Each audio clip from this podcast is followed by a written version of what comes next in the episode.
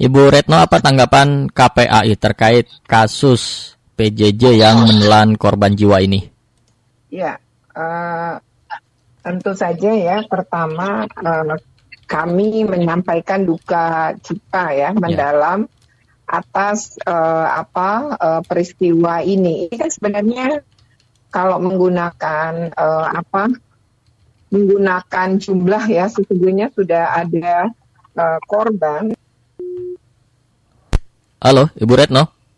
Rekan data saluran komunikasi kami bersama Ibu Retno selaku komisioner KPAI terputus. Kami coba hubungi kembali. Sudah tersambung kembali, Ibu Retno?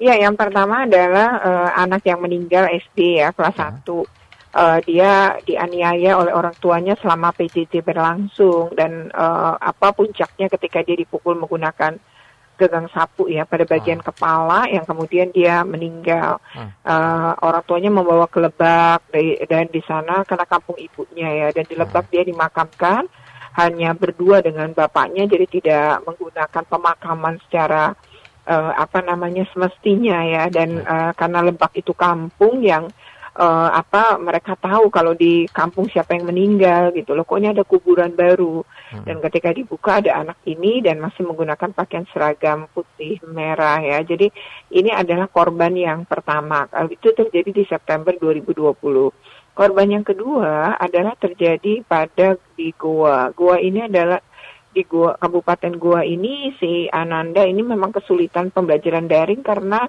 wilayah rumahnya pegunungan, jadi sangat sulit mendapatkan sinyal.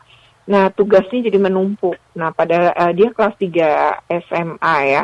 Hmm. Nah, di dalam uh, apa uh, percakapan uh, lewat WA yang terekam dengan dua sahabatnya, memang terungkap Ananda ini punya beban berat terhadap PJJ dan dia memutuskan bunuh diri dengan menegak uh, racun uh, serangga.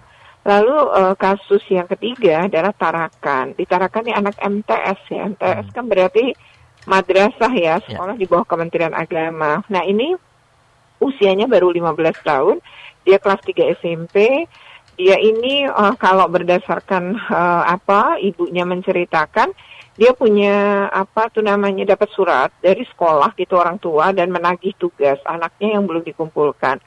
Jumlah yang belum dikumpulkan tugasnya itu itu mencapai uh, apa lebih dari 40 ya. Karena ada 11 mata pelajaran rata-rata yang ditagi 3 sampai 5 jadi kalau di total itu menjadi 40 uh, 40 lebih gitu. Nah hmm. uh, memang di dalam surat itu ada ada ancaman gitu. Jadi kalau tidak mengumpulkan si Ananda ini ya, maka akan uh, tidak diikut sertakan di dalam ujian uh, apa ujian semester. Nah ini yang kemudian uh, nampaknya menjadi pemicu karena memang anak-anak udah punya problem ya. Seharusnya kan sekolah bisa mendeteksi anak-anak yang sampai tertumpuk sebegini banyak berarti punya masalah yang mesti harus dibantu tidak menyerahkan anak sendirian menghadapi ini seorang diri. Nah, yang terjadi kemudian Ananda melakukan uh, bunuh diri dengan cara uh, menggantung diri ya di uh, kamar mandi uh, rumahnya sendiri.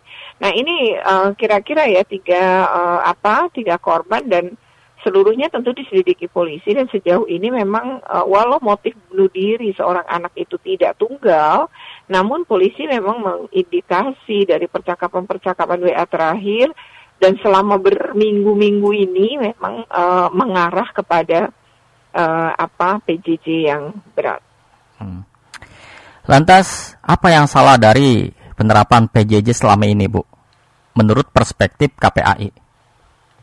Kalau kami sih uh, eh, KPI kan ini kan pengawasan ya. ya. Kami tentu tidak bisa menilai oh. apakah PJJ ini seperti apa karena kami kan juga tidak tahu sebenarnya seperti apa guru-guru melaksanakan. Tapi kalau kami berdasarkan kepada pertama kan fakta yang ditemukan kepolisian, yang hmm. kedua hmm. kami memang menemukan uh, kalau berdasarkan uh, apa itu namanya uh, survei singkat yang kami lakukan Ya. Memang pada fase pertama menunjukkan guru-guru tuh hanya ngasih beban tugas, jadi ngasih tugas, tugas, tugas, tapi tidak ada feedback, tidak ada interaksi gitu ya, sehingga oh. memang uh, anak ini uh, jadi memiliki beban uh, lebih besar.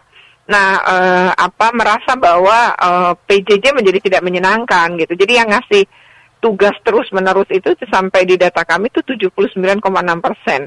berarti kan hampir 80 persen ya. Uh, uh, gurunya hanya ngasih tugas saja gitu dan uh, 76 persen anak menyatakan uh, tidak suka gitu belajar uh, jarak jauh itu baru fase pertama loh. Nah di, belum masuk ke fase kedua yang tahun ajaran baru Juli ini ya itu kan data di uh, bulan April sampai dengan bulan uh, Juni ya dan di bulan uh, Juli ini sampai sekarang kan uh, apa fase yang kedua ini uh, belum uh, dilakukan uh, survei kembali gitu ya dan kalau melihat dari sini sih sebenarnya tidak terlalu banyak perubahan gitu ya. Jadi secara signifikan uh, apa ya uh, pembelajaran jarak jauh uh, di fase pertama maupun di fase kedua ya sama nih ya. Maksudnya secara signifikan masih belum berubah. Jika PJJ dianggap meresahkan bahkan menelan tiga korban jiwa, apakah kemungkinan uh, tepat melakukan KBM secara normal atau tatap muka, Bu? Mungkin kalau situasi pandemi dan uh, masih zona merah, masih banyak kasus, saya rasa uh, itu tidak mungkin juga karena akan membahayakan kesehatan anak-anak. Kan yang pertama tuh hak hak hidup ya nomor ya. satu. Yang kedua hak sehat, yang ketiga baru hak pendidikan. Artinya kalau anaknya masih sehat dan masih hidup, kan sebenarnya kita masih bisa mengejar ketertinggalan. Nah, kecuali kalau anaknya eh, kalau anaknya sudah meninggal, ya gimana kita mau ngajarin dia lagi kan begitu. Ya. Nah, kalau uh, menurut kami sih tidak tepat juga kalau kemudian akhirnya membu uh, mem memaksa membuka sekolah misalnya di seluruh uh, zona gitu ya. Kalau bagi uh, KPAI hak hidup tetap utama. Namun kalau memang seperti ini ya harusnya dievaluasi Ya. Artinya ada evaluasi menyeluruh terkait dengan upaya perbaikan PJJ. Karena Kementerian Pendidikan misalnya sudah mengeluarkan berbagai kebijakan dan aturan yang sebenarnya membantu secara teknis, namun implementasi dan pemahaman di lapangan nggak ada gitu. Jadi artinya ini sebenarnya butuh sosialisasi dan butuh pendampingan serta pelatihan. Jadi nggak bisa juga Kementerian pendidikan maupun Kementerian Agama cuma ngasih aturan, habis itu ditinggalin gitu, nggak pernah juga diimplementasi dan nggak pernah didampingi gitu. Jadi kalau KPAI menyerukannya evaluasi menyeluruh dari hmm. PJJ. Ya.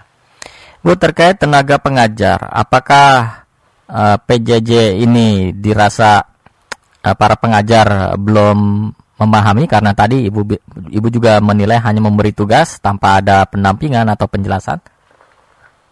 Ya tentu tahunya nanti dari hasil evaluasi ya. Hmm. Karena kalau guru-guru uh, apa uh, belajar daring itu kan sesuatu yang mungkin baru di Indonesia juga gitu yeah. ya. Belum banyak orang yang memahami, jadi mungkin kaget juga gitu. Walau sebenarnya PJJ nggak harus daring gitu ya, tetapi kelihatannya uh, diarahkannya begitu gitu. Lebih banyak dar, uh, apa berpikirnya PJJ adalah daring, padahal nggak selalu daring dan uh, bagaimana kemudian menciptakan PJJ yang menyenangkan ini kan perlu dibantu juga guru-guru gitu. Hmm. Apa solusi untuk para tenaga pengajar kita Bu yang Ibu juga menyatakan mungkin baru bagi mereka terkait ya, pembelajaran ini? Dilatih, dilatih. oleh dinas, hmm. oleh Kemenak, Kemdikbud gitu ya, hmm. ya kantor wilayah agama. Hmm. Mereka harus melatih itu tadi dampingi guru itu guru juga harus dibantu. Jadi kalau di, di, di, dikasih panduan masih harus di didampingi sebenarnya proses implementasi gitu karena kan ini hal baru memaksa guru yang sama sekali nggak pernah pegang teknologi tahu pegang teknologi ya bisa keteter-teter nah apalagi di daerah-daerah yang di mana sinyal susah kan tidak mungkin juga menggunakan daring nah di sinilah luring berarti nah kalau luring ya di luar jaringan seperti itu seperti apa melakukannya sebenarnya di aturannya udah ada panduannya ada Problemnya panduan ini nggak nyampe menurut kami. Jadi memang butuh dievaluasi. Apa saran dari KPAI agar kita bisa mencegah korban PJJ selanjutnya, Bu? Yang pertama sih ya uh, anak tuh nggak bisa dibiarkan sendiri gitu menanggung semua ini. Ya. Jadi harus ada kerjasama semua pihak untuk sama-sama melindungi anak. Anak itu korban dari sistem ini semua sebenarnya. Jadi kita lah para orang dewasa yang harus membantu anak.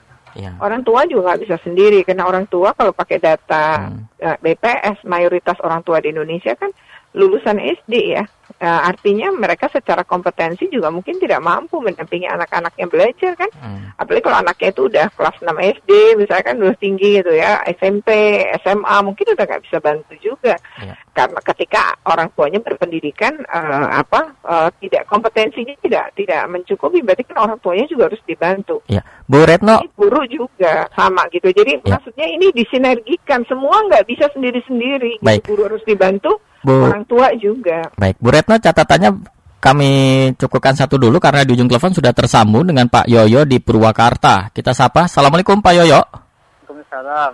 Ya, silakan. Ada hal yang disampaikan? Oh, terputus. Baik, sambil menanti Pak Yoyo bergabung kembali, Bu Retno silakan dilanjutkan catatan tentang PJJ ini ya, untuk mencegah korban selanjutnya.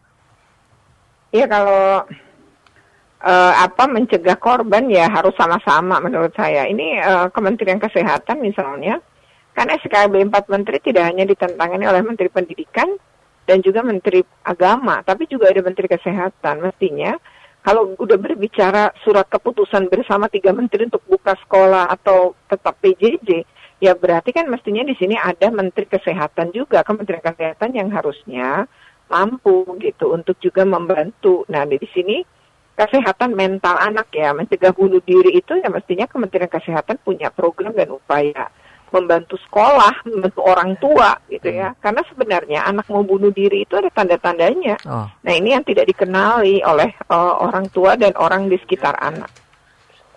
Baik. Bisa diinformasikan Bu, apa tanda-tanda anak terutama yang akan melakukan uh, bunuh diri? Sebenarnya dia berubah gitu. Oh. Jadi dari biasanya ceria, mungkin hmm. dia murung gitu lebih banyak mengunci diri di kamar, cepat marah gitu ya. Itu tanda-tanda anak depresi sebenarnya. Hmm. Ya kan uh, stresnya berkepanjangan. Jadi misalnya kita punya tekanan psikologi, tapi nggak selesai bertumpuk bertumpuk selama berbulan-bulan lama-lama anak akan mencapai tahap depresi kan namanya. Hmm. Nah depresi ini yang dekat dengan bunuh diri gitu. Oh. Jadi memang harus dilihat tanda-tandanya sebenarnya kelihatan gitu anak itu cepat marah tidak, tidak nafsu makan hmm. uh, kehilangan semangat belajar yaitu nampak sebenarnya. Hmm. Bagaimana saran KPAI terhadap peran orang tua ketika mendampingi anak-anaknya mengerjakan tugas PJJ ini, Bu? Ya, pertama memang kalau ya tadi ya kompetensi orang tua kan sangat berpengaruh. Jadi kalau orang tua memang tidak mampu, uh, secara kompetensi mendampingi anak gitu ya, tapi kan tetap bisa memberi semangat. Yang hmm. kedua komunikasi lah dengan gurunya. Jadi orang tua komunikasi dengan gurunya bahwa anaknya mengalami kesulitan dan dia nggak bisa bantu. Nah di sini gurunya harus membantu. Yang kedua menurut saya sih guru BK ya bimbingan konseling di hmm. sekolah-sekolah itu harus dimanfaatkan, harus diberdayakan sehingga anak-anak tuh bisa curhat sama mereka gitu setidaknya konseling ya, ya dilakukan sehingga tidak sampai anak-anak mengalami depresi. Hmm, baik. Terima kasih Ibu Retno sudah berbincang Sama-sama. bersama Dakta. Selamat melanjutkan okay. aktivitas Ibu kembali. Assalamualaikum. Waalaikumsalam.